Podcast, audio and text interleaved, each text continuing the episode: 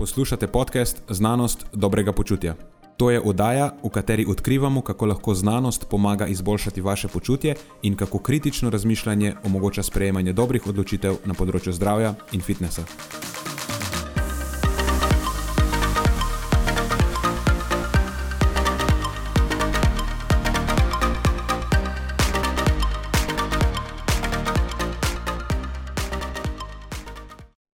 Pozdravljeni, z vami smo Nenad in moj sovoditelj Matjaš. Glavni temi tokratne epizode sta najprej različni presnovni odzivi na uživanje mlečnih maščob, glede na vrsto živila, s katerimi jih zaužijemo. V glavnem izpostaviva razliko med uživanjem mlečnih maščob iz sira ali iz masla, v drugem delu pa govoriva o priporočljivosti in potencialnih posledicah bolj ali manj ekstremnih prehranskih strategij za doseganje določene teže, predvsem v kontekstu težnostnih kategorij v športu. Preden začnemo, pa se moram zahvaliti še našim sponzorjem. Zaenkrat to še vedno ni velika korporacija, temveč zvesti poslušalci, ki nam izkazujete zaupanje in podporo s prijavo v našo člansko skupino Znanost dobrega počutja. Hvala vsem, ki s tem držite luči prižgane in omogočate podkastu, da raste in postaja še bolj kakovosten. Hvala tudi vsem, ki nas podpirate s pozitivnimi komentarji in visokimi ocenami, ter s tem, da priporočate podcast svojim znancem in prijateljem. Zdaj pa je končno čas za začetek epizode. Uživajte ob poslušanju.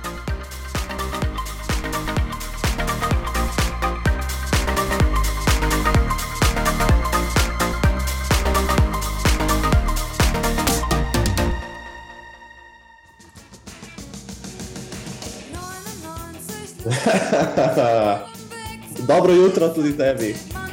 Dobro jutro.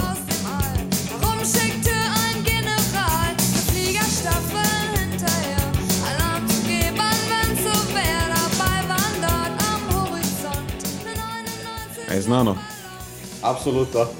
Tega zadnjič nismo posneli. A to je bilo tako, ker je bil posnet? Ja. Ajaj. Tista epizoda, kjer manjka glasbeni uvod, je tista, smo jo v narekovajih snemala dvakrat.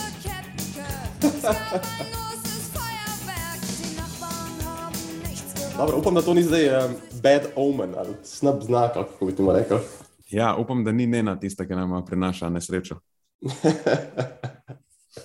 Bo bo testirala. Bo bo testirala, ja. Uh, ampak, le, vidim rekorde in znake, tako da uh, nekaj se že bolj začenja kot takrat. Ja, na to sem zdaj ekstra pozoren. Super. Me veseli, da si tudi ti. Absolutno. Absolutno. A, je, a nam je to zdaj prišlo v navado, da snemamo zjutraj? Zdaj že kar nekaj zaporedoma so jih posnela zjutraj. Uh, ja, očitno sem moče malo lažje organizirala v teh jutranjih urah, kot pa potem popoldanskih. Uh, ali pa si mečela pesek v oči, da smo v teh urah malo bolj, uh, pri malo boljših mentalnih kapacitetah, kot pa zvečer. Ja, to je po moje pesek v oči. Pesek v oči? Ja, absolutno. Jaz sem se komijsko bacil zdaj izpočne, čisti iskreno. Dobar, bodo, uh, bodo poslušalci povedali, če kakovost podcasta kaj trpi, ali pa tega vodnega rentanja. Oziroma, ne, Ja, na, na tem se ne sme uh, temeljiti. Um, Ocene. cena tega podcasta. Ne, in po mojem so itak zjutraj oba dva tako polna alkaloidov, da se ne pozna. Moteč dejavnik. ja, če možno. Ja. Ja. Ok. Dobro, Torej, a ima kakšno aktualnost za začetek? Uh, Si kar mava kaj? ja, um, odprli smo um, Novo slovensko bojno, novo bojno fronto. Ja, slovensko prehransko misijo ne mogoče. Ja, Veš, s tem komadom bi mogoče mogel začeti. sem res. Uh, misija Rešimo prehrano. Mogoče lahko kaj par besed o tem poveva. Tako, ali tako bo pa to nekaj, kar bo zdaj potekalo v naslednjih parih mesecih, si jaz to predstavljam. Tako da uh, bomo lahko še kaj povedali na to temo kasneje. Ja, mislim, lahko kaj rečemo o tem. Pač odločili smo se, da začnemo bolj s prstom kazati na zavajajoče in netočne vsebine o prehrani. Ključna beseda tukaj je vsebine. Um, mislim, se pač ne moreš mimo tega, da pokažeš s prstom, da je nekdo, ki producira te zavajajoče informacije, tudi pokazan zraven, ampak nikoli ne bo šlo za oseben napad, ampak bo pač šlo za pozorilo oziroma dobro nameren poziv k temu, da se, da se s takim početjem preneha, a pa samo da se pokaže, zakaj je to problematično in itd. itd. Uh, mislim, da zaenkrat glede na feedback, je to nekaj, kar ljudje cenijo, pa tudi strinjajo se z nami, da je to nekaj, kar področje prehrane v Sloveniji očitno potrebuje. Um, zdaj, nekaj jih je izrazilo skrbne. Mislim, noben ga ne bomo napadali, pa ne bomo opozarjali več na nekoga, ki se zmoti. Ni, ni fora, Veš, ni problem, da se zmotiš. Vsi mi se zmotimo. Ne. Že večkrat v tem podkastu smo rekli, da v bistvu se je dobro zmotiti in razumemo to, da se ljudje motijo. Sam je potem razlika, veš. Če si nek uh, good faith actor, kako pač ne, uh, igralec v dobri veri in to zmoto lahko popraviš in se iz tega celo naučiš, ali pa si nekdo, ki samo konstantno producira bullshit z namenom tega, da se ti ukoristiš na račun unih, ki v bistvu so tvoji, ne vem, tvoja publika, tvoje stranke, kakorkoli in namenoma jim prodajaš neumnosti. Ne. V bistvu smatraš svoje sledilce ali pa svoje potrošnike, kakorkoli češ reči, za bombarje. Ne. To je recimo en tak odnos, ki ga je imela tobačna industrija v preteklosti, ki so rekli, oni menedžerji tam. Ja, pač, lej, vse mi prodajamo to neumnim ljudem. Noben od njih ni kadil. Iz, iz tega mhm. je prišlo to vprašanje. Zakaj? Mislim, vi ste vodilni tukaj v tobačni industriji, desetine milijonov služite vsako leto. Kako pa da vi ne kadite, če je očitno to taka super stvar za vas? Ne? In, in je bil, bil odgovor jasen, zakaj ne kadijo, ker je pač slabo za njih, za njihovo zdravje. Uh, in po naslednje vprašanje, zakaj pa potem to delate, zakaj prodajate te stvari. Ja, pač sej prosta izbira. Če je nekdo tako neumen, da bo to kupil, pa pa naj kupi. V redu, to mogoče je bilo v skladu z nekimi njihovimi vnarekovajo vrednotami, ne z našimi pa ni. Pač prehrana je nekaj, kar mi smatramo, pač naše področje in hočemo dobro delati z njim. No. Tako da smo se odločili aktivno boriti proti temu. Še eno vprašanje je bilo, a mislite, da boste kaj spremenili? Lej, pa se nima veze. Če bi se vsi lotevali sem stvari, kjer so stoprocentni, da jim bo uspelo, da, da, da bodo dosegli nekaj revolucionarnega, potem noben nikoli, nikdar nič ne bi naredil. Je pa tako, da, da če hočeš, da se stanje izboljša, nekje moraš začeti, nekje moraš dati to, tudi če ne veš, če bo delovalo. Tako, ja. To je nekako pač naš, naš, naš poskus tega. Ja, to je naš poskus tega. Ne. Zdaj tudi vrstni red, kako bomo to delali. Nekdo je vprašal, zakaj ste glih z njimi začeli. Ne. Navezuje se na to našo prvo izpostavitev, ki morda res ni naj, bila najbolj učitna izbira. Ampak, le, veš, nekje moraš začeti. In tisti teden, ko smo se mi to odločili, je glih njihova objava padla na naš radar in smo jo prvo pograbili in pač uporabili. Tako je, ja. oziroma par njihovih objav celo. Ja, pač, se, se je tako je bilo. Pač njihova, kako gre ta proces. Itak vemo približno, kakšne vsebine se bodo znašle na, na tem seznamu, koga bomo, na koga bomo opozarjali. In zdaj njihova objava je glih un teden zadela, in potem smo se spomnili še na vse one ostale, šli preveriti za vse nazaj in pač potrdili to svojo domnevo, da konstantno producirajo boljši, in, in smo pač to eno objavo prebili na zid. Zdaj tudi to, da mogoče v prihodnosti bo bolj pošteno, da bolj celostno. Ne? Mi smo izpostavili eno objavo, vse jih bomo več, jih bomo drugič več, da bo jasno, da ni, ni samo ta ena objava problem. Da je to nekdo, ki konstantno producira boljšit, konstantno zavaja in konstantno vnaša zmedo v prehrano. Ne? Ni fora. Če se pač enkrat zmotiš, te kvečemo, lahko malo popravimo, pa te vprašam, zakaj to misliš. Noben ne bo full combative se počutil zato, ker si se enkrat zmotil. Uh. -huh. Ker v ja. končni fazi pač tudi, tudi mi pričakujemo, da ko se smotimo, da nas ljudje na to upozorijo. Kot pravim, še enkrat, poudarjam, ko pa ti konstantno in tako vidi se, da namerno to delaš, mogo bi vedeti bolje. Pač, da je to tvoja taktika, da prodajaš na ta način, da vnašaš strah, da vnašaš zmedo, da komuniciraš tako alarmistično, senzacionalistično. To pa pač nekaj, kar težko človek upraviči nekako. Ja, jaz bi mogoče samo še to izpostavil, da par negativnih komentarjev je bilo na stilu, da za, da se imamo za neke prehranske policaje, svetnike, da je to samo za naš ego boost. Uh, iskreno, to ni neko delo, kjer mi uživamo. Jaz bi tisoč in eno stvar bi raje delal, kot to, ampak. Pač jaz sem bil realno. Jaz sem bil prisiljen na to. Okay? ja, mislim, ne šalim se. Heca, mislim, se. Sej, bi... Razumem, kako je to dobro, ampak ni ja. bilo nekaj, kar mi je lahko padlo. No? Kaj, ja. se ne, malo se mi ne da, če sem čisto iskren. Hvala enako. Jaz bi rad delal, se pravi, veliko drugih stvari, um, še posebej za vikend, še posebej za petek zvečer. Mislim, ja, za vikend smo se s tem ukvarjali. Ja. Uh, pa, pa še nekaj v tem stilu, kot Bajagi, zakaj se ukvarjate z drugimi, ne ukvarjate se samo s svojim delom in se bo to dobro poznalo. Mislim, kakšen je to pogled na celotno situacijo? Veš, mislim, toliko enega zavajanja, toliko enih ljudi, ki nasede na to, ki pač gre nekako mimo naših objav, dosežejo pa tiste ljudi, ker imajo tako velik krič, in pa B, pa se to se direktno navezuje na naše delo. Koliko ljudi potem k nam pride s temi predobstoječimi um, nekimi pogledi na prehrano, in potem dobesedno rabimo prvih par ur dela s tem človekom, da pač razbijemo vse te mite. Mislim, kolikrat si že imel sestanek, ko je, ko je mogoče tistih prvih uvodnih 30-60 minut, mogoče samo, da te človek tako malo smešno gleda, ko, ko ti postavlja vprašanja v stilu, a ja, jaz sem pa prebral, da je to tako, jaz sem pa slišal, da je to tako. A, a, a razumeš? Ja, včasih moraš porabiti sestanek ali pa dva, sem da ga resetiraš, da lahko začneš normalno delati. Točno to, točno to. to, to ni, iskreno, v, v takem delu tega resetiranja del pod narekovaj, absolutno. Ni nekaj, tudi, kar v čemer bi užival in bi veliko raje bi začel z nekim clean slateom, nekoga, ki, ki, ki ni bil podvržen vsem tem neumnostim, kar pa bo zelo, zelo težko, razen če pač živi pod kamnom, pa nima interneta. Ja. In vse ta argument, ukvarjaj se s sabo, pozabi na druge, pač to je tako čist zgrešeno. Absolutno, absolutno. Pazi zdaj trenutno situacijo. Pa so kaj se mi ukvarjamo z unimi Ukrajinci, pa se dajmo se ukvarjati sam, dajmo se ukvarjati sami s sabo, pa oni ne rešijo svoje probleme, ker če oni znajo, a veš ono. Uh mhm. -huh. V, v redu je, dokler se ne začnejo te zadeve dotikati tebe, ne? pa se pa spomniš, um, šit. Bi pa že prej kaj naredil, zato pa bi mi bilo zdaj ful lažje. Ja. Še enkrat, enkrat, ko bo ruski tank v Ljubljani, pa pa še malo prepozno, stari. exactly. exactly. ne se ne bo, ne se, ne se, ne se strašiti. Um, tako da, ja, evo, mislim, da je to zelo dobro uvod v mhm. misijo Rešimo prehrano. Bomo pa absolutno dali update, kar se tiče tega dogajanja. Ja. Ok, Good. Dej, ja, bom videl, ker začela. Jaz imam danes, moram ti reči, da imam občutek, da bom malo daljši. Veš. Okay. Imam eno zanimivo, zanimivo tematiko. E, navezuje se na usiru, se bomo pogovarjali. Ok, ok, I like it. Ja, sem videl, da ti bo všeč. v bistvu se bomo pogovarjali o tem, kako, m, mm, kako ista živila, če jih zaužijemo v obliki drugačnih živil, kako različno vplivajo na naše zdravje. In Sir je en tukaj tak eh, klasičen, klasičen primer. Ok, pa pa kar znači noter.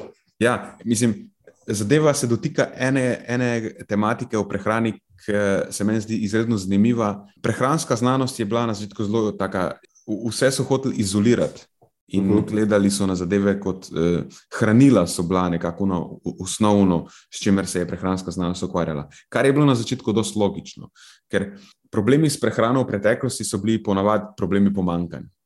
In simptomi, ki se, ne, so zelo tako specifični, doskrat, oziroma tudi če niso sami simptomi specifični, je razlog, zakaj pride do njih zelo specifičen. Recimo skorbut, manjkati vitamina C, D vitamin C noter, nima veze, a ti ješ zdaj limete ali paradajz ali papriko ali zelje ali nek, nek drug vir vitamina C, pač če daš vitamin C noter, boš to zadevo pozdravil. In vitamin C je to zadevo pozdravil. Ampak, ko pa govorimo o nekih teh eh, vplivih um, prehrane, ki so bolj taki um, dolgoročni, ali pa recimo v smislu tega, kako prehrana vpliva na neke kronične bolezni, pa bolj kompleksne probleme, kjer, s katerimi imamo probleme danes, pa nekako ta pogled na prehrano propade. Ne moreš se več samo ukvarjati s hranili, ker ljudje ne jemo hranila, ampak v bistvu jemo hrano. Ne? Hranila so v ra različnih živilih. In nas bolj kot sama hranila, v bistvu morajo zanimati ne živila, ja, tudi živila, ampak tudi ne samo živila, ampak dejansko prehranski vzorci. Ampak dobro je, da začnemo recimo pri živilih. Ne, da, da vsaj razumemo, da ni enako in v tem kontekstu, ki se ga bom jaz danes dotaknil, v bistvu gre za vpliv nasičenih maščob um, če jih pojemo v siru ali pa nekako drugače. In no, tako kot sem že rekel, v zadnjem obdobju se je ta prehranska znanost naša začela odmikati od redukcionističnega pristopa. In uh, pokazalo se je, v bistvu, da ta, uh, temu se reče food matrix, uh, ne vem, slovenski prevod tega je prehranska matrika, mogoče, da to zelo močno vpliva na fiziološke odzive na zaužitje hranil v tej hrani. In pač, kot že rečeno, mlečni izdelki so en najboljši primer ker se to res slikovito izrazi. Ne? In tukaj govorimo predvsem o mlečnih izdelkih kot viru nasičenih maščob. Ker za same nasičene maščobe v izolaciji uh, je dobro pokazano, da imajo neugoden učinek na kazalnike srčno-žilnega zdravja. Ampak mlečni izdelki, še posebej pa siri in skute, tudi polnomastni, ki so, kot že rečeno, bogat vir nasičenih maščob, pa nekako teh neugodnih učinkov ne kažejo tako dosledno, oziroma jih sploh ne kažejo, oziroma celo včasih kažejo nasprotne učinke. In Zdaj, v preteklosti je nekako ta eh, razlika med vplivi izoliranih hranil in vplivi uživanja celih živil, ki vsebujejo ta hranila, tako letela pod radarjem, temu rečemo, v rekovajih. Uh, ker zgodnja epidemiologija v, teh začetnih fazah te eh, znane hipoteze prehrana srce je to zadevo nekako spregledala. In tudi nisi težko predstavljati, zakaj jo je spregledala. Tako, če greš nazaj v 50. in 60. leta prejšnjega stoletja, je bila pač večina zahodnih diet bogata z nasičenimi maščobami vseh vrst. Nekako tako okoli 18 odstotkov skupnega energijskega vnosa celo so predstavljale nasičene maščobe. In tako imaš pol, naprimer, v tej znani, v bistvu nekak temeljni raziskavi za to hipotezo, raziskavi sedmih držav, kohorte, ki so bile z najvišjim vnosom nasičenih maščob, je bila čist na vrhu vzhodno-finska kohorta z 22 odstotki, potem zahodno-finska kohorta z 19 odstotki, nizozemska kohorta z 20 odstotki, potem naša blizu hrvaška kohorta, ki je tudi nekako povzemala stanje jugoslovanske populacije takrat, s 17 odstotki, ameriška kohorta z 21 odstotki, um, pa mogoče relevantno lahko izpostavimo Združeno kraljestvo, ki sicer v to raziskavo ni bilo vključeno, ampak tudi v tistem času je bil tam vnos nasičenih maščob okoli 20 odstotkov skupnega energijskega vnosa. In v vseh teh državah, oziroma kohortah, je vnos nasičenih maščobnih kislin prihajal pretežno iz virov teh klasičnih, veš, rdeče meso, slanina, svinska mast, maslo, sir, mleko, jajca. Tako vse je bilo pomešano. En zanimiv primer je recimo iz vzhodne Finske, tam je bilo očitno v navadi uh, mazati maslo na sir. Če go, že govorimo o tem, kdo je bil prvi, LCD Afrik. to ni neka nova pograntavščina. No, sem, da na tej točki opozorim, da je bila vzhodna Finska tudi takrat regija z eno izmed najvišjih stopenj pogostosti prezgodnje smrti zaradi kardiovaskularnih vzrokov. Tako da očitno to ni glih nekaj, kar je pametno početi. No, ampak generalno, ko so nekako skozi različne vzvode potem ta vnos nasičenih maščob v teh državah znižal, se je tudi umrljivost zaradi kardiovaskularnih vzrokov močno znižala. In en tak klasičen primer je Finska, kjer jim je to uspelo ker so potem v naslednjih nekaj desetih letih iz teh 22 ali pa celo nad uspeli se približati tem desetim odstotkom, za katere vemo, da je nekako pod 10 odstotkov, nekako naj bi bil vnos nasičenih maščob, da bi bilo to združljivo z optimalnim zdravjem. Uh, ja, se je to stanje popravilo. Ampak, veš, težko je zdaj reči, oni so pač generalno. V javno-zdravstvenih smernicah se je pač uveljavil na svet, da je potrebno nasičene maščobe znižati. Tudi iz virov, kot so polnomastni mlečni izdelki vključujoč sire pa skude. Ne? In pač ja, ko potegnemo črto, je imelo tudi to pozitiven vpliv. Ampak samo zato, da ne naredimo mlečnim izdelkom krivice, veš. V bistvu, veš, mlečni izdelki, zakaj bi jih izključevali v večji meri, kot jih je treba, ne? če mogoče niso tako problematični, kljub višjemu deležu nasičenih maščob.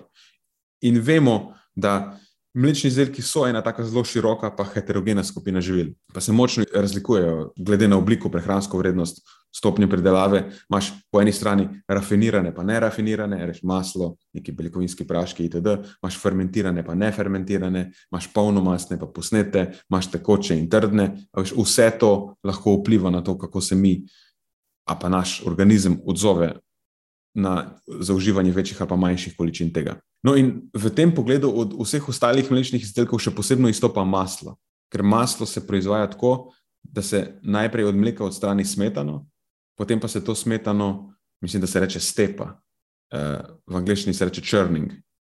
Pač gre za to, da vso maščobo ločijo od preostale tekočine ali od večine preostale tekočine. In zaradi tega je prehransko gledano končni izdelek precej drugačen od ostalih mlečnih izdelkov. Naprimer, če, če stvar primerjaš s sirom ali pa skutom, ima maslo izjemno nizko vsebnost kalcija in visoko vsebnost maščobe. Tudi vsebnost beljakovin je praktično zanemrljiva. V osnovi gre za čisto mlečno maščobo v izolirani obliki. In med tem procesom stepanja se odstrani tudi eno zadevo, ki se je po slovensko, mislim, da reče membrano maščobnih kroglic ali pa membrano mlečnih lipidnih globul. To je po angliško milk fat globule membrane. In to je ena taka trislojna membrana, ki je drugače eh, bogata z bioaktivnimi fosfolipidi in beljakovinami, eh, ki potem to maščobo obdajajo. In ta zadeva lahko zelo spremeni prebavo in presnovo teh maščob. Uh, tako da v kontekstu vplivov uživanja različnih virov mlečne maščobe na srčno-žilno zdravje, predvsem ravni holesterola v krvi, je ta sprememba lahko še posebno relevantna. Ampak, ok, vse o tem imam, imam več tudi na koncu, ko bomo povzeli rezultate. Uh, povedati. No, zdaj pa, če zavrtimo malo čas naprej, bliže sedanjosti. Kot že rečeno, v, zad, v zadnjem obdobju so se nabrali dokazi o različnih vplivih posameznih virov nasičenih maščobnih kislin. Ne? Eh, in, in s tem se je cela prehranska znanost kot skupnost začela odmikati od predpostavke, da so vsi viri nasičenih maščob enako neugodni. In eh, en tak klasičen primer tega je Multi-ethnic Study of Atherosclerosis, eh, to je po slovenskom pač neka multietnična raziskava ateroskleroze, kjer so naprimer pokazali različen vpliv maščob iz mleka in mesa po desetih letih spremljanja. Nasičene maščobe iz mlečnih izdelkov so bile povezane z značilnim 38-odstotnim, ali pa veš, kako gre, 18 do 52-odstotnim, to je interval, nižjim tveganjem za srčno-žilne bolezni. E, nasičene maščobe iz mesa pa so bile povezane z značilnim 48-odstotnim, oziroma 2 do 123-odstotnim e, višjim tveganjem za srčno-žilne bolezni. In potem so upravili še analizo zamenjav če je to pravi izraz, substitution analysis je tehnično. No, tam pa se je pokazalo, da je zamenjava 2 odstotka energije iz nasičenih maščob iz mesa za nasičene maščobe iz mlečnih izdelkov povezana z značilnim 25 odstotnim oziroma 9 do 37 odstotnim nižjim tveganjem za srčno-žilne bolezni. Tako da vidimo, da v bistvu gre za dva tako nasprotujoča se učinka. Ene zvišajo, ene znižajo. Um, No, in potem na, točno na teh, pa še podobnih, ki so sledile kasneje v ugotovitvah, se je postavilo zanimivo vprašanje o teh različnih učinkih mlečnih maščob na srčno-žilno zdravje. In točno s tem se ukvarja ta tokratna raziskava, ki jo imam v mislih. To so Fini in sodelavci. Naslov je Dairy Matrix Effects Response to Consumption of Dairy Fat Differs When Eaten Within the Cheese Matrix, a Randomized Control Trial. Objavljen pa je bil v American Journal of Clinical Nutrition z letnico 2018. In oni so ugotavljali učinke šest tedenskega uživanja mlečnih maščob v različnih prehranskih matrikah na dejavnike srčno-žilnega zdravja. In tako, res zanimivo so si zamislili. Um, v bistvu gre za randomizirano, pač ne slepo, unblinded raziskavo, ker tega pač ne moreš ne blindati. Uh, in bila je paralelna raziskava s štirimi skupinami.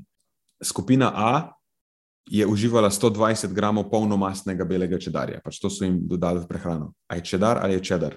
Čedar cheese. Torej 120 gramov belega čedar cheese. Ja, moj angliški se zbudi v meni, bi tudi rekel čedar. Ja, ok, cool. Potem skupina B je uživala 120 gramov manj mastnega belega čedarja in 21 gramov masla zraven, da so standardizirali maščobe. Potem skupina, skupina C pa je uživala 49 gramov masla, 30 gramov kalcijevega kazeinata v prahu, plus dopolnilo kalcija. Da so spet vse standardizirali, samo tukaj so v bistvu vsako stvar dodali izolirano. In potem skupina D je pa v bistvu enako kot skupina A, uživala 120 gramov polnomastnega belega čedarja, ampak po šesttedenski brezsirni prehrani. Predtem so začeli, so jim predpisali neko ranjen prehrano, ker niso nič mleka smeli uživati nič sira. Uh, no, in vsaka od teh intervencij je vsebovala skupno 40 gramov mlečne maščobe, pač v različnih oblikah, in ta intervencija je bila v vseh skupinah enakovredna, glede na energijo, to je slabih 500 kalorij, vsebnost maščobe, kazeina in kalcija. In tako kot je rečeno, skupina D je bila enaka skupini A, s to razliko, da je skupina D bila predtem na teh taki eh, šesttedenski ranjen prehrani, ne, kjer niso nič mleka pa sira smeli uživati. Um, drugač pa generalno je bilo udeležencem tudi naročeno, da ne uživajo več kot 50 ml mleka na dan in da ne smejo nobenih drugih mlečnih izdelkov jesti, drugač pa lahko nadaljujejo svojo normalno prehrano. Tako da, če po domače, nič drugega jim niso omejili, um, in pa raziskava je potekala v teh, v narekovajih, prosto živečih pogojih, torej pač pogojih resničnega življenja. Povedal sem, kaj morajo delati, in oni so šli domov to delati. Um, so pa ocenjevali to njihovo sodelovalnost s tridnevnimi uh, dnevniki, ki so jih upravili na izhodišču, pa potem še med intervencijo po treh in štirih tednih, in se mi zdi, da tudi na koncu. Pač nekako so spremljali, da so bili precej dosledni. Kar se tiče primarnih izidov, so jih raziskovalci zanimali predvsem ravni holesterola v krvi, uh, sekundarni izidi pa so bili trigliceridi, proste maščobne kisline, glukoza, inzulin, krvni tlak, pa CRP visoke senzitivnosti kot nek marker vnetja. Ok, zdaj pa rezultati. V skupnem holesterolu so bile značilne razlike med skupino A, pri kateri se je pokazalo nič cela 51 mmol na liter znižanje, in skupino B, pri kateri se je pokazalo nič cela 37 mmol na liter znižanje. In pa razlika tudi med skupino A, kot že rečeno, z nič cela 51 mmol na liter znižanjem, in skupino C z nič cela 15 mmol na liter znižanjem. Zdaj, tukaj vidimo, da recimo pri skupini A, ki je uživala sir, se je skupen holesterol, pa recimo, da je bil nek eh, relativno močen učinek. Uh, pač ni bilo zdaj nič tako revolucionarnega, ampak je neko znižanje, ki bi mogoče celo re, lahko rekel, da je klinično relevantno. No, se je pa zadeva znižala tudi pri skupini B, kjer so siru dodali še malo masla, ampak pač to znižanje je bilo statistično značilno nižje. In pa bomo tudi videli, da ni bila samo intervencija tista, ki bi lahko tukaj imela učinek, ampak ok, več o tem kasneje. Dočim pri skupini C, ki je vse jedla v izolirani obliki, je teh 0,15 v bistvu skoraj zanemrljivih. No, za LDLC pa so bile statistično značilne razlike med skupino A, ki je, pri kateri se je pokazalo nič cela 45 mmol na liter znižanje, in skupino B, pri kateri je prišlo do nič cela 27 mmol na liter znižanje, do znižanja za nič cela 27 mmol na liter in potem med, spet med skupino A in skupino C, pri kateri je prišlo do znižanja za nič cela 14 mmol na liter, in skupino A in D, pri A, kot že rečeno, nič cela 45 mmol na liter znižanje, in pa pri tej skupini D, v bistvu zanemarljivo nič cela nič 7 mmol na liter znižanje. No, na zadnje pa so skupino D primerjali tudi glede na njihove vrednosti eh, pred to šestetensko ran in dieto. Ne? In pri njih se je skupni holesterol najprej povečal za nič cela 16 mmol na liter, in LDL holesterol se je povečal za nič cela 13 mmol na liter. To je takrat, ko so v bistvu jim izključili vse mlečne izdelke. E, no, po uvedbi sira pa sta se skupni holesterol in LDL holesterol znižala za nič, kot že rečeno, nič cela 10 mmol na liter, pa nič cela nič 7 mmol na liter. Tako da v bistvu tukaj pri njih takrat, ko sem jim dal mlečne izdelke, vem, so poslabšali kazalce njihovega srčno-žilnega zdravja. E, potem pa so se v bistvu pač malo spremenili na boljše, ko so uvedli sedem nazaj. Ampak ok, mislim, da je ta primerjava še najmanj relevantna do vseh. E, drugač pa, kar se pa tiče drugih izidov, tudi HDL holesterola, pa vseh sekundarnih izidov, med skupinami ni bilo uh, statistično značilnih razlik. Tako da v bistvu imamo samo vplive na uh, skupni holesterol, pa LDL holesterol, kar je Vse to, to je tudi nekako pričakovano, v bistvu. Mm. Zdaj, kar se tiče plusov in minusov te same raziskave, preden uh, se dotaknemo tako zaključkov, pa še nekih drugih značilnosti, je pri plusih nič posebnega. Mislim, ok, super, šlo je za enakovredne intervencije, nadzorovali so za pomembne spremenljivke, kot veš, recimo kalci znotraj teh intervencij. Uh, po spolih so bile skupine uravnotežene, kar je tudi kul, cool, glede na to, da vemo, da spol vpliva na lipide v krvi. Um, Poje pa še mogoče par potencijalnih minusov, tudi nič posebnega, ampak ena stvar, ki je bila tako nenavadna, je bil velik usip, fulih ni doseglo uh, vključitvenih kriterijev na koncu, niso bili nekako sodelovalni za dost. Uh, in to kljub temu, da je bila raziskava relativno kratka, tako mislim, kdo ne more jesti tega sira šest tednov. Tako to mi je bilo malo čudno. Pa tudi skupine so bile na koncu nekoliko neuravnotežene, kar bi lahko vplivalo malo na rezultate. Mm. Pa tudi tako, v izhodiščih so se po teh eh, glavnih karakteristikah skupine med sabo razlikovale, eh, da je reči, malo bolj, kot bi bilo idealno. In to se mi zdi, da bi bilo relativno enostavno odpraviti z eno tako stratificirano randomizacijo. Sam pač ne vem, tega niso storili. Zdaj, nisem zihar, če bi lahko to odpravili s tem, ampak se mi zdi, da bi lahko. uh, ampak, ok, pač generalno še vedno mislim, da ni za izpostaviti nič takega, eh, zaradi česar bi podvomili v rezultate. No. Uh, vsaj ne tako da bi se drastično spremenili. Okay. Um, tukaj pa zdaj še ena pomembna stvar. Ne vem, če je to minus, ker so upoštevali, pa izpostavili, ampak nekaj, česar se moramo zavedati. Um, pač ena stvar je itak ta najprej, da uh, v skupini A, ki je uživala polnomasten sir, so bila vsa hranila zaužita v obliki celega živila. Ne, v primerjavi s skupin, skupinama B in C, kjer so določena hranila dodali izolirana. Pač maščobe v, v obliki masla pri skupini B, pri skupini C, tam pa je bilo praktično vse sestavljeno iz izoliranih eh, virov, ne? maslo, kazein in pa dopolnilo kalcija. In tudi v, v rezultatih vidimo, da je učinek eh, direktno odseval toč, točno to razliko.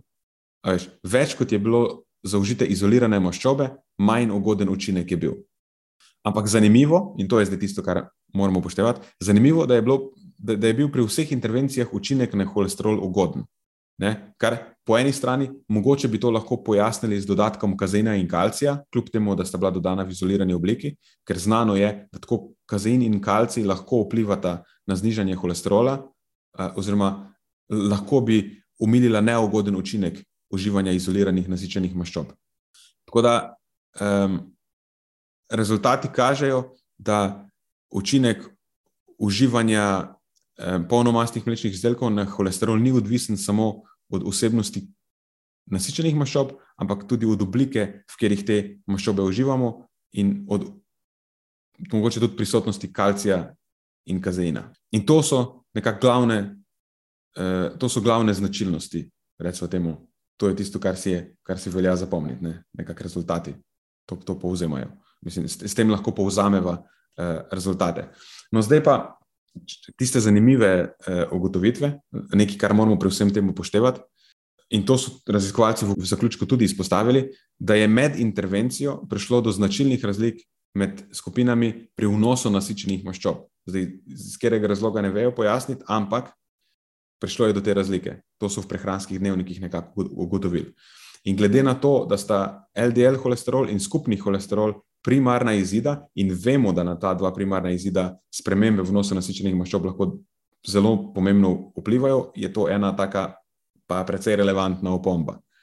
In če greš pogledat v dodatno gradivo, ta supplementary, supplementary data, ne, to je ono, always check the supplementary data, lahko te številke vidiš predstavljene, recimo pri skupini A so znižali vnos nasičenih maščob iz 13,9 na 10,1 odstotka, torej imaš 3,8 odstotno razliko, pri skupini B iz 14,8 na 9,4 odstotka, imaš v bistvu še večjo 5,4 odstotno razliko, pri skupini C iz 15,1 na 9,6 odstotka, imaš spet 5,5 odstotno razliko, in pa skupina D je bila še najbolj konstantna iz 12 odstotkov na 10,4 odstotke, imaš samo 1,6 odstotno razliko.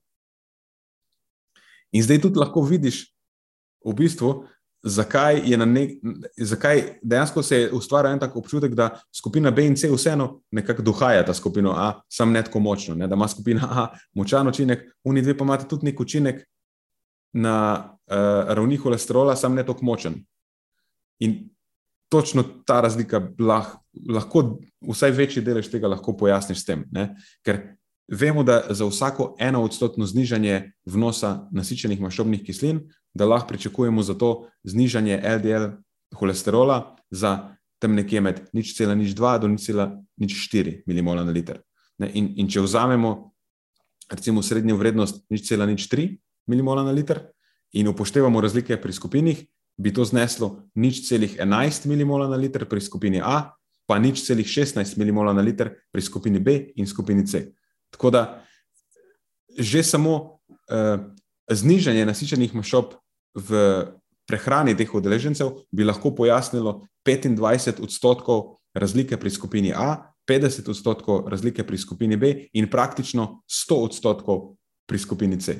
Ne? In tako da za skupino C, ki je uživala maščobe uh, samo iz masla, lahko torej predstavljamo, da tukaj ni, ni šlo za noben vpliv intervencije, ne, ko so pokazali znižanje. Ampak dobra stvar je pa še zmer ta, da ne, po drugi strani je velika verjetnost, da je večina učinka pri skupini A res najbrž posledica intervencije, ne, kjer so v bistvu mlečne maščobe uživali v celi obliki, v obliki sira. Tako da po tem takem bi lahko domnevali, da je prava razlika med intervencijami skupine A, eh, B in C še večja, kot je bila dejansko pokazana, ker je, bil zniž, ker je bilo to znižanje vnosa nasičenih maščob nek pomemben moteč dejavnik. Uh, tako da pač od uživanja mlečne maščobe v obliki sira lahko pričakujemo ugodne učinke na holesterol v krvi. Medtem ko je uživanje nasičenih maščob v izolirani obliki v najboljšem primeru neutralno ali pa neugodno, če bi s tem povečali skupen vnos nasičenih maščob. Tako da na nek način so udeleženci v skupinah B in C imeli srečo, da so hkrati z ne, tema intervencijama znižali tudi, tudi svoj vnos nasičenih maščob iz ostalih virov. Ker pač, zdaj, res je, da so v intervenciji sicer dobili dodano maslo, ampak hkrati so jim pa raziskovalci prepovedali uživati še vse ostale mlečne izdelke. Tako da, ko, ko potegneš črto, ne, eh, bottom line, zna biti, da so manj masla zaužili zdaj na intervenciji, kot so ga uživali prej, recimo, ne, ali pa so nekako drugače spremenili prehrano. Uh, zdaj, kaj je pa ne, neka relevantnost vsega tega, ali pa praktična aplikacija, ne, kljub vsem tem omenjenim metodološkim pomanjkljivostim. So, sej, ugotovitve so, te raziskave so precej skladne z ostalimi ugotovitvami na tem področju. Ko večina raziskav kaže, da ima v primerjavi s sirom maslo neugoden učinek na skupen holesterol in LDL holesterol. In to je bilo recimo tudi pokazano v raziskavah, ki so primerjale učinke uživanja enakih količin maščobe iz masla in, ali pa sira na nek soroden način, kot so to fini in sodelavci naredili. Tako imaš recimo eh, Nestel in sodelavci iz 2005 že so primerjali uživanje 40 gramov maščob iz sira s 40 gramov maščob iz masla Um, pri čemer je maslo imelo izrazito neugoden učinek na skupen holesterol in LDL holesterol, medtem ko sir ne. In pa še ena zanimiva so bili Bion in sodelavci v 2004, ki so upravljali dejansko raziskavo zelo podobno Finijo in sodelavcem, te, te, te naši raziskavi, pri čemer so primerjali uživanje uh, sira, potem masla plus kazeina v prahu in masla plus jajčnih beljakovin v prahu. In tako skupen holesterol kot LDL holesterol, sta se znižala edino v skupini s sirom, spet. Ne, še ena skladna ugotovitev. E, to je zdaj že nekaj, kar se relativno dosledno kaže. In zato obstaja tudi več mehanističnih razlag, ne, zakaj uh, uživanje mlečnih maščob v obliki celih živil nima neugodnega vpliva na maščobe v krvi, a pa zakaj ima lahko celo pozitiven učinek. In zdaj, no, o tem, o tem pa nekako na to sem pa že namignil na začetku. En razlog bi lahko bil kalci, ker kalci tako lahko vodi v tvorjenje nek, pač nekega vrsta mila, v narekovaji v prebavilih, ne, kjer se maščobne kisline vežejo s kalcijem in to zmanjša ali pa upočasni njihovo absorpcijo. In to se lahko zgodi pri uživanju eh, celih mlečnih izdelkov, kot je recimo sir, ki je bogat s kalcijem, ne more se pa zgoditi pri maslu, ker maslo med postopkom stepanja izgubi večino svojega kalcija. Uh, in to bi lahko del, vsaj delno pojasnilo, zakaj maslo ima bolj izrazito neugoden vpliv na uh, presnovo maščob, uh, oziroma konkretno na ravni holesterola v krvi. No, še en potencijalen mehanizem je preko kazeina oziroma te kazeinske matrike, ker ta bi pa lahko obdala ali pa v narekovajih ujela maščobne kapljice in s tem bi lahko pomagala tvoriti to že prej omenjeno membrano mlečnih lipidnih globul. Za, to membrano je pa tudi pokazano, da uživanje mlečne maščobe iz virov, kjer je ta membrana mlečnih lipidnih globul ohranjena, nima neugodnega vpliva na maščobe v krvi. Ne? In tukaj je spet maslo tisto, ki izstopa v negativnem smislu, ker postopek stepanja te membrane uniči. Um, še ena tretja stvar bi lahko bila pa fermentacija, ker med fermentacijo obstaja domneva, da bi se lahko spremenila uh, maščobno-kislinska sestava mlečnih izdelkov in to na bolj ugoden način ne, pač tisti mikroorganizmi tam lahko tudi pretvorijo te maščobne kisline, medtem ko se razmnožujejo, pa fermentirajo. Uh, in siri so ena stvar, ki je pogosto fermentirana ali pa starana, vse v tem kontekstu reče. Uh, kar bi lahko bil še en plus za sire, specifično bolj starane sire. Um, tako da, zdaj pa če res potegnem črto, pa počasi to zaključim, ker se mi zdi, da sem že full dog. Tako, kar se tiče mlečnih izdelkov, je zdaj že zelo, zelo jasno, da so kot skupina živil pač ena izmed bolj kakovostnih izbir. Ne? In to še posebej velja, ko govorimo o manj masnih izdelkih. Pač tu zdaj več ni dvoma. Zdaj, ko pa govorimo o polnomasnih mlečnih izdelkih, pa recimo, da se je pokazalo, da je pomembno dvoje. No? Um, nekaj, kar moramo upoštevati, pa nam ne bo hudega. Da, na, sami po sebi najbrž ne bodo imeli uh, neugodnega učinka, ti polnomastni mlečni izdelki, ne dokler gre za manj predelane vire, kjer je ta mlečna matrika, cela mlečna matrika ohranjena. Torej, to je, ko gre za izdelke, kjer so membrane mlečnih lipidnih globul ohranjene, pa kjer sta prisotna še kazein in kalci. Uh, ne, lahko, na, na podlagi vsega tega, v bistvu se mi zdi, da lahko sire izuzamemo iz priporočil, ki svetujejo znižanje nasičenih maščob v prehrani. Ja, na svet za znižanje nasičenih maščob je absolutno relevanten in eden izmed pomembnejših v prehrani, ko govorimo o maslu, živalskih maščobah, kokosovem olju, palmovem olju, itd. itd. Sir pa recimo, da bi lahko bil neka izjema. Sicer nisem prepričan, kakšen bi bil učinek uživanja sira v kontekstu prehrane, ki je že tako ali tako bogata z nasičenimi maščobami, ker tukaj pač imaš visok vnos nasičenih maščob, pa pa še sir dodaš povrhu, nisem ziger, kaj bi se v tem primeru zgodilo. Ampak recimo, da, da je sir neka izjema, za katero sem precej samozavesten, da sama po sebi nima neugodnega učinka. Ja. No, ampak vsem tem pa absolutno moramo upoštevati, da gre za živila, ki so bogata ne samo z nasičenimi maščobami, pač z maščobami na splošno. In če zdaj s temi živili prispevaš prekomernemu vnosu energije, pač potem to zate ne bo koristno. Tudi če si ti videl eno raziskavo, ki je pokazala, da uživanje sira zmanjša ravni holesterola, skupnega, pa LDL holesterola v krvi, Ali še vedno je to potrebno potem dati v kontekst tvoje prehrane.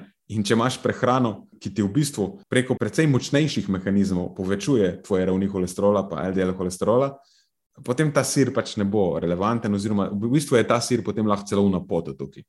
E, tako da, ko govorimo o polnomasnih sirih, je pač treba upoštevati, da vseeno ni zdaj to free for all. Še zmeraj jih moraš smiselno umestiti v prehrano, kjer ne bodo prispevali odvečne maščobe v tvojo prehrano. Tako da jaz bi na tej točki kot absolutno odlično izbiro izpostavil sire z znižanim deležem maščob, ker dobiš to, kar načeloma pričakuješ iz sira, večina jih ni čist ne masnih, ampak še zmeraj so zadost masni, da so sirasti, ne, da tako tudi, če jih stopiš, se malo vlečajo. Um, no, plus to, da ob vsem tem imajo pa še relativno kulturen delež maščobe, za katerega je manj verjetno, da bo prispeval k prekomernemu vnosu maščobe, tudi če ga uživaš pa recimo precej redno, ne, ali pa ga vključuješ v večjih količinah. Um, tako da, mislim, če zdaj po, koliko je bilo to, je bilo tri četrture, po vsem tem je zdaj nauk zgodbe, manj masni siri so super. to je, kako se že reče, TLDR, too long, ja, ja. varianta. Je rekel, manj masni siri so super. Prej pa mi je razlagal o intervalih zaupanja. Ne, Uh, ja, je super segment, postavi marsikaj v kontekst, uh, še posebej glede vnosa maščob, vezano na druge sestavine, najdenih v mlečnih izdelkih. Uh, in, in ja, tako kot si rekel, uh, mislim, da je velik problem pri, pri, pri sirih, predvsem to, oziroma pri polnomasnih sirih, predvsem to, da so zelo, zelo bogat vir energije oziroma maščob in ljudje jih običajno uživajo dokaj liberalno. Ne, uh, ne izenačijo vnosa maščob iz sirov proti temu, kar bi prej iz masla, ne v šali ja. rečeno. Uh, tako da manj masni siri so definitivno moj uh, go-to, kot nek tak velik ljubitelj sirov, če sem čisto iskren. Um, Veš kaj, jaz sem, jaz sem dejansko, pazite, to bo zdaj mogoče kako presenetilo. Jaz sem sir rad, ampak v sendvičih, ne pa na pici.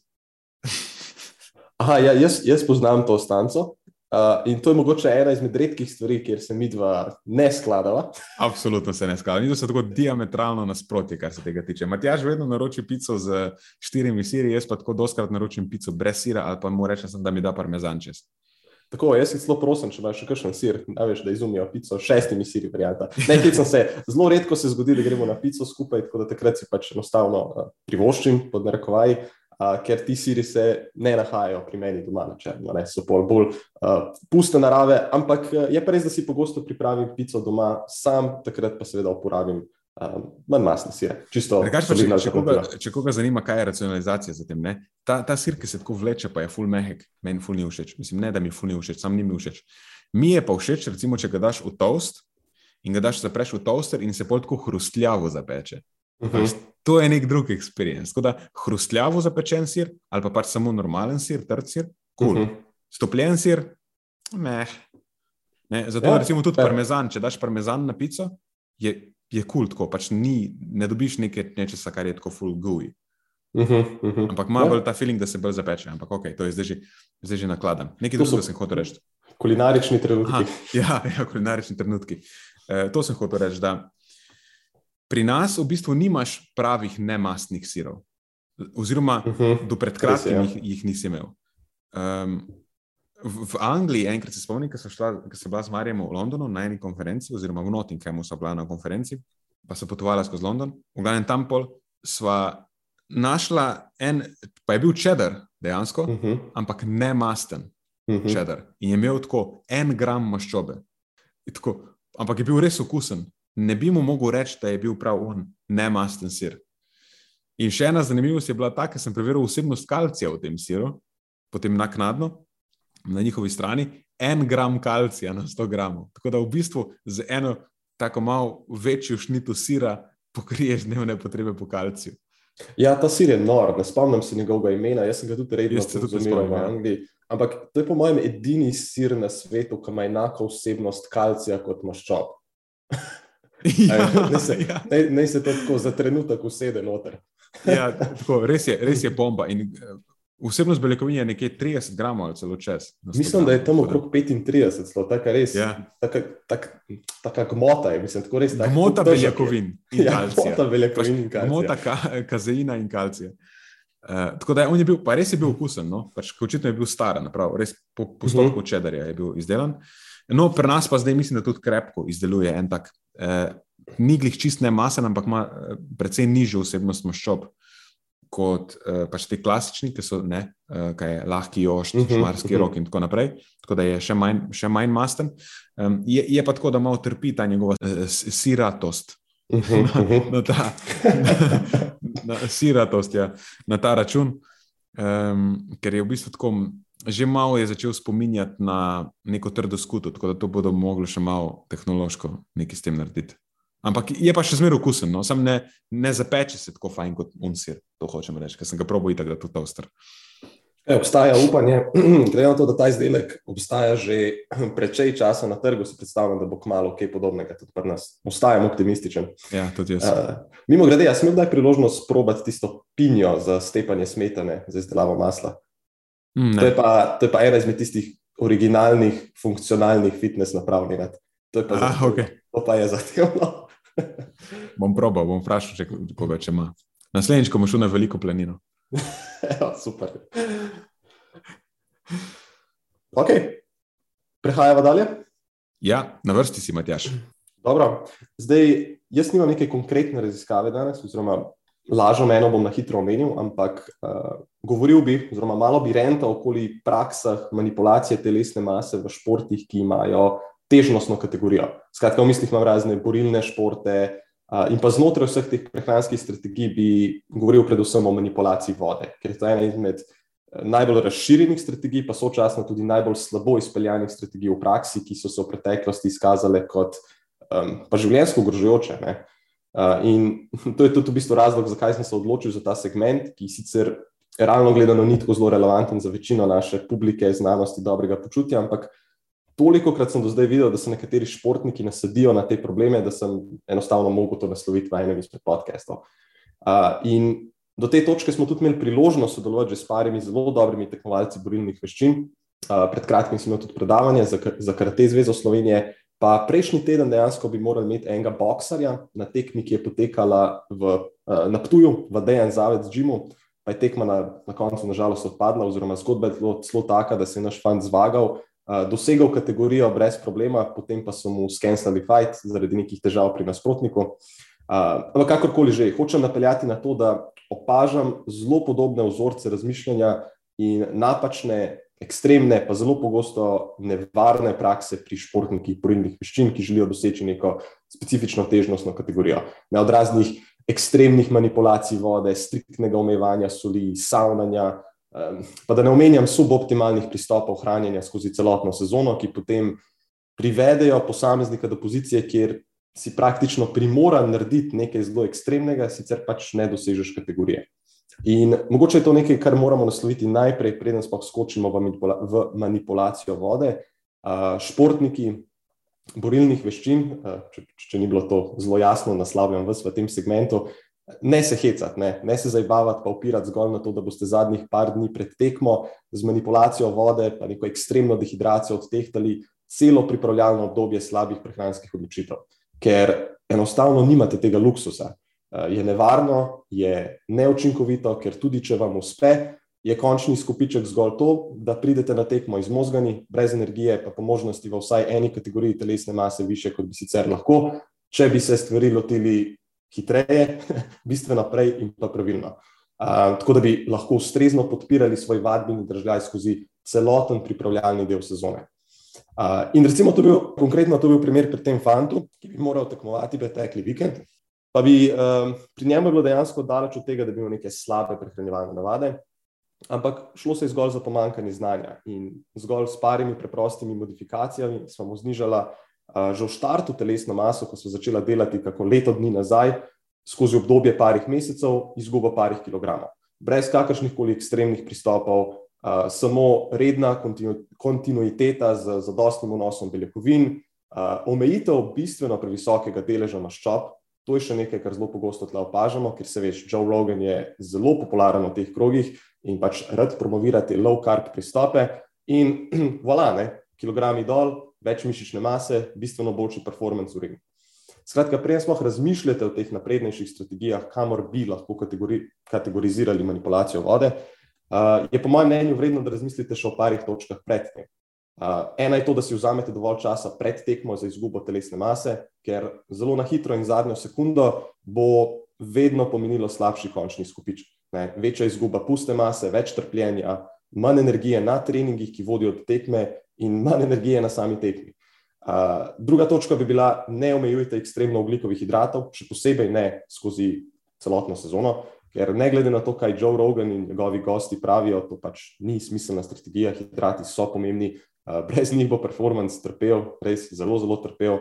Eh, in skoraj vedno je v teh pogledih bolje pogledati, kaj se dogaja najprej z maščobami, ker njihov nos je zelo pogosto previsok.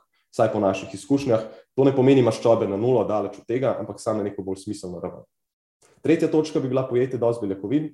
Tukaj ne bom preveč zapravljal časa, ker se mi zdi, da realno to ni zelo velik problem v teh krogih, še posebej med moškimi. Ne.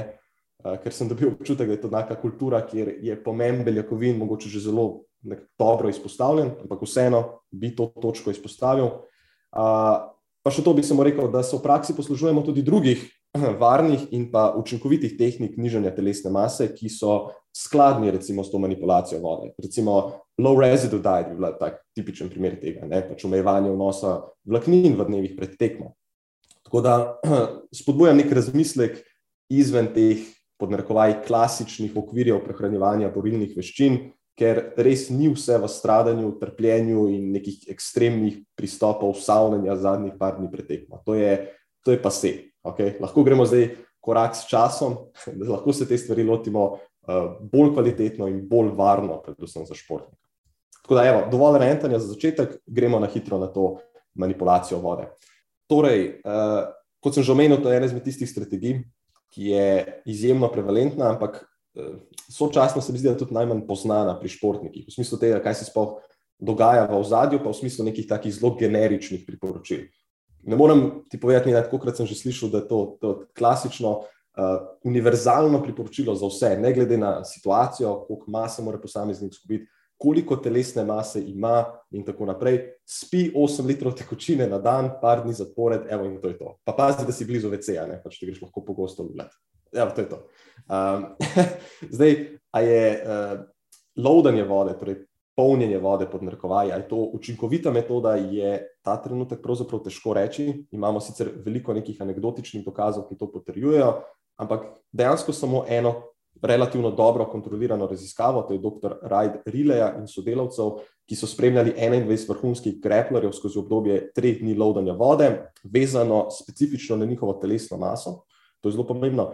In pa skupina, ki je lovdala vode, je potem izgubila bistveno več telesne mase, seveda na račun vode, in to brez poročanja o nekih izrazito negativnih posledicah, razen tega, da moraš iti v tistih dneh, ko uh, piješ več tekočine, pač pogosteje urinirati. Ker je tudi nekako pričakovati, ne? kar pride notri, mora tudi iti ven. uh, ampak celo v tej raziskavi avtori navajajo, da je to bolj proof of concept, oziroma tako dokaz, koncepta varianta, kot pa karkoli drugega. Tako da nekih zelo natančnih navodil ta trenutek še za ta proces pač nima. Um, kaj se pa dogaja nekako v ozadju, oziroma kaj špekuliramo, da se dogaja v ozadju, je pa, uh, je pa to, uh, zdaj bom malo poenostavil te stvari.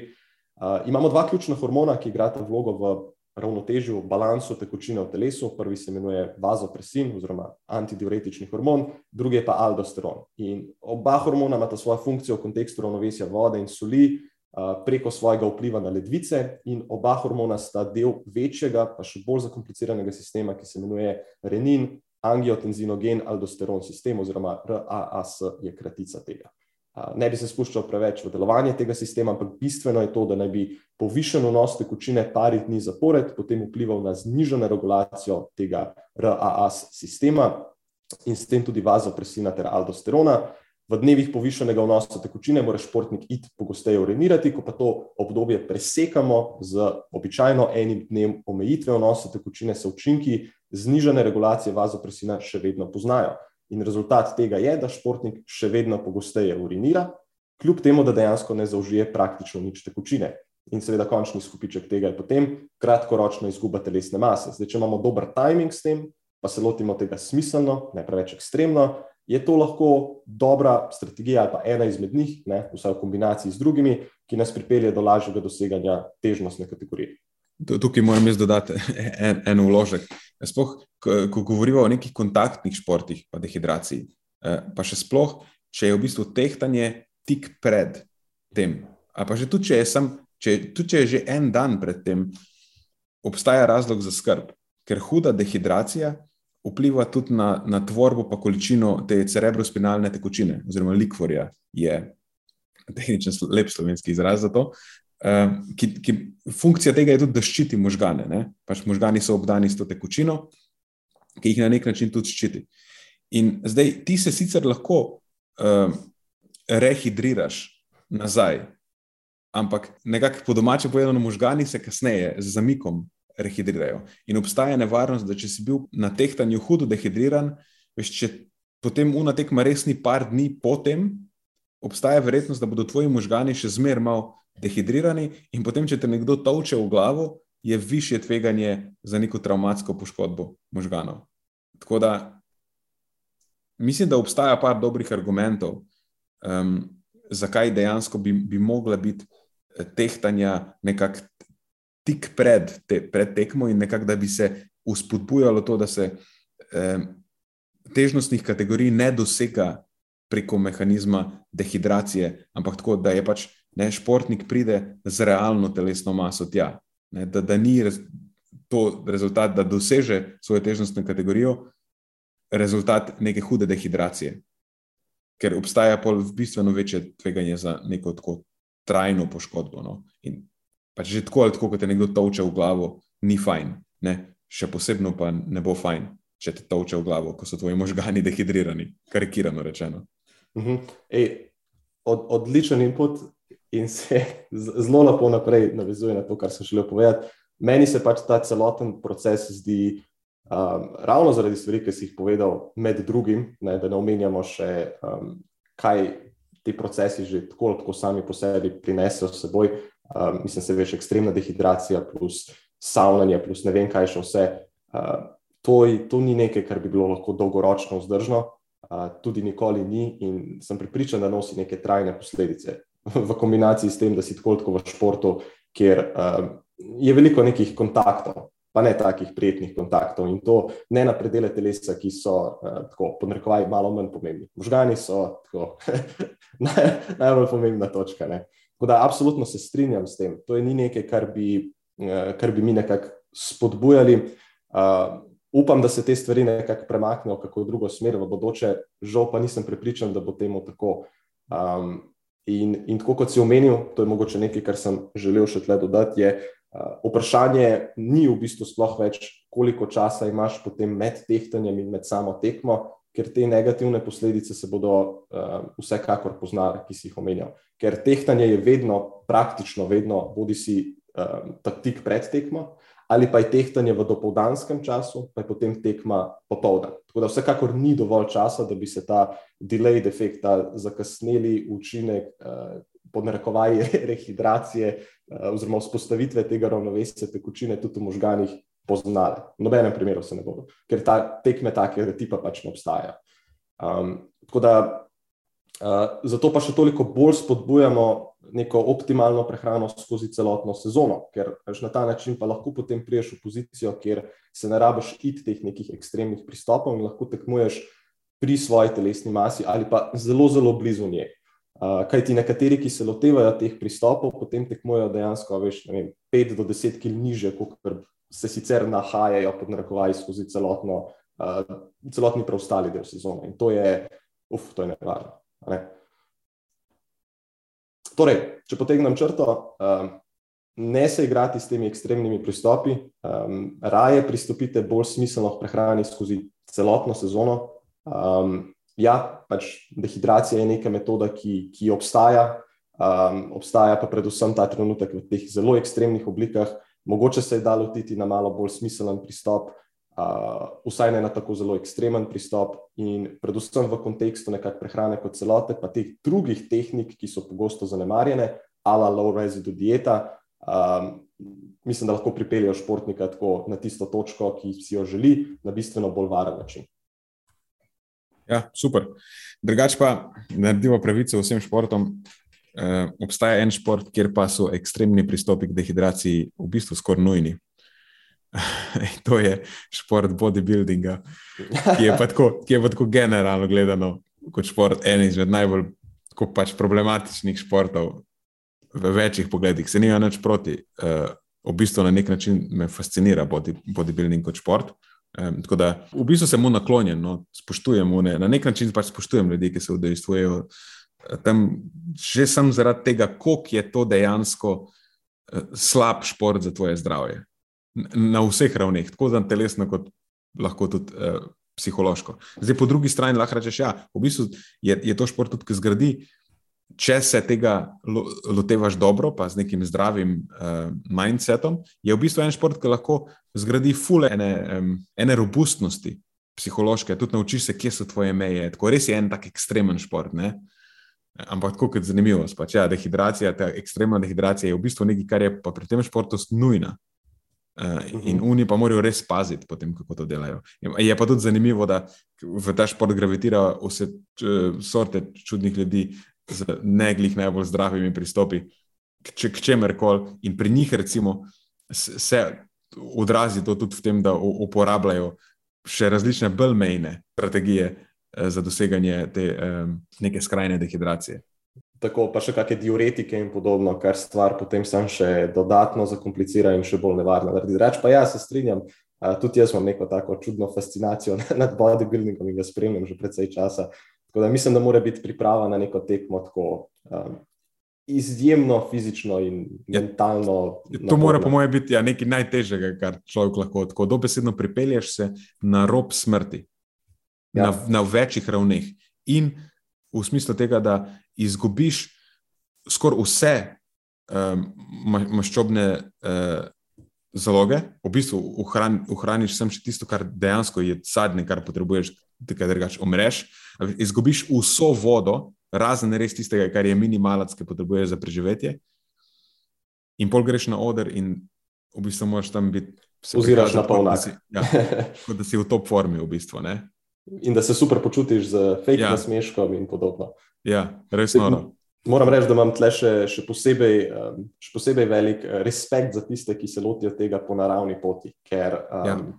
veš, že tako, tako se zelo slabo počutiš, ne, brez neke podpore, pod narekovaji, pa mora biti ta stvar še, še izrazito bolj zahtevna. Uh, spomnim se besed enega uh, naravnega bodybuilding tekmovalca in to je: uh, veš, da si na pravi poti takrat, ko se ti lušta bolj pica, kot pa ideja, da bi seksal svojo ženo. In to mislim, da zelo dobro ponazarja, kaj se dogaja v Oh, tistih boj. zadnjih tednih pred tekmo. Ni lepo, ne. Ne, absolutno. Mislim, to mora biti moje strašno, ker si tako mrtev, si sam. Pač mrtev si je. Jezus. Ja. Ok, mislim, da smo pripeljali to zadevo v koncu. ja, sicer malo bolj depresiven konec, ampak ok. Sir je dober, dehidracija slaba. Evo, ti je DDR. Pijte tekočine in jejte manj masne sire. Ampak ne na pici.